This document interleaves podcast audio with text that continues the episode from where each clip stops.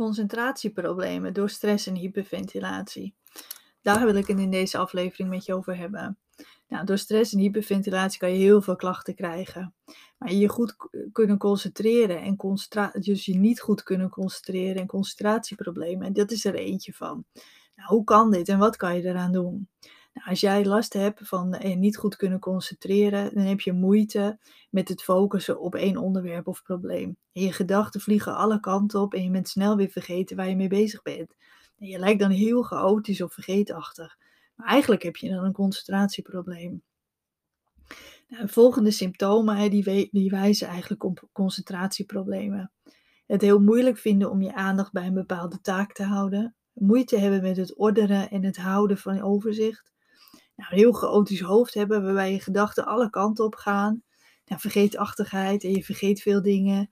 Oh, waar heb ik ook alweer mijn sleutels neergelegd? Of in de supermarkt lopen en denken, oh, wat, uh, wat moest ik ook alweer hebben? Maar ook dat je heel snel afgeleid bent. En je doet meerdere dingen tegelijk, omdat je alweer kwijt bent waar je mee bezig was. Nou, hyperventilatie en concentratieproblemen. Hè? Nou, als wij stress ervaren, en dan gebeurt er dus van alles in je lichaam. Hè? Dat stresssysteem wordt in werking gezet.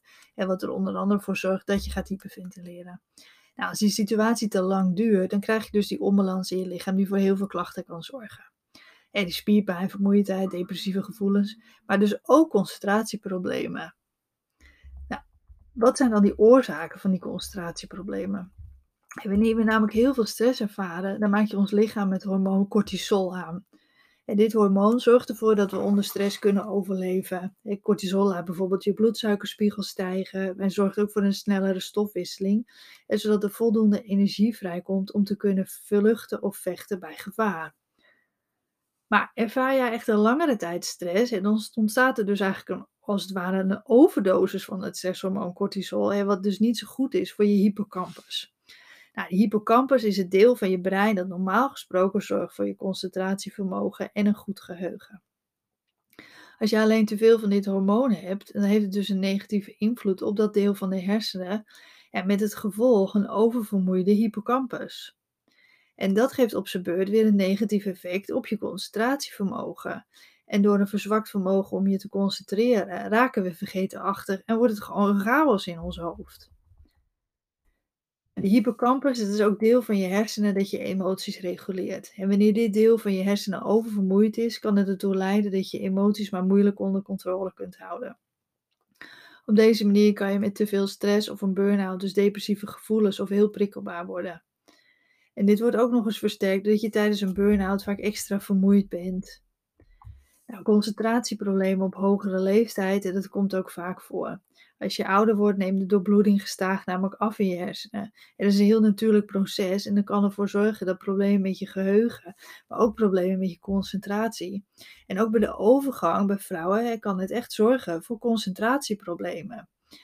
dus dat zorgt echt voor die, dat slecht kunnen concentreren. Dus echt het idee hebben van, ja, waar ben ik nou helemaal mee bezig? Ehm, wat, ehm, wat, wat gebeurt er nou allemaal? Wat, wat, moest ik ook alweer hebben als je in de supermarkt loopt?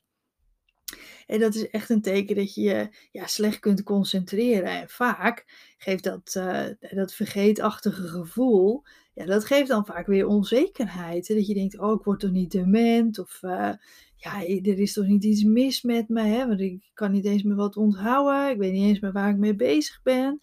Ja, dat, dat geeft dan echt wel... Um, ja, natuurlijk best wel veel stress weer onbewust als je daar last van hebt. En ehm, ja, dat, dat, dat, die, in die stress, die zorgt natuurlijk weer voor een versnelling van je ademhaling. En die, die ademhaling versnellen, ja, dat zorgt dan weer voor die onbalans in je lichaam. Hè, wat we net hebben, ik verteld heb. En dat je dus wat meer cortisol aanmaakt.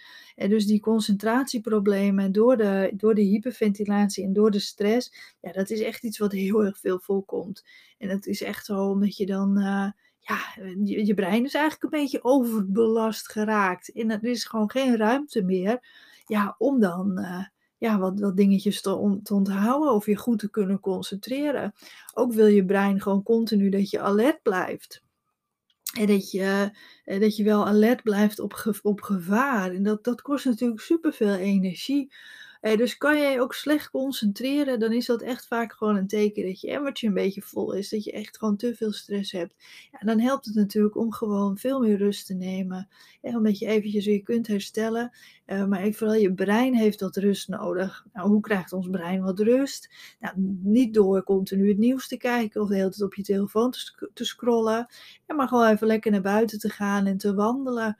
Uh, bijvoorbeeld hè, de, de Erik Scherder ik je, ik ken je vast wel, die heeft er natuurlijk ook boeken over geschreven. Die vertelt er altijd heel veel over.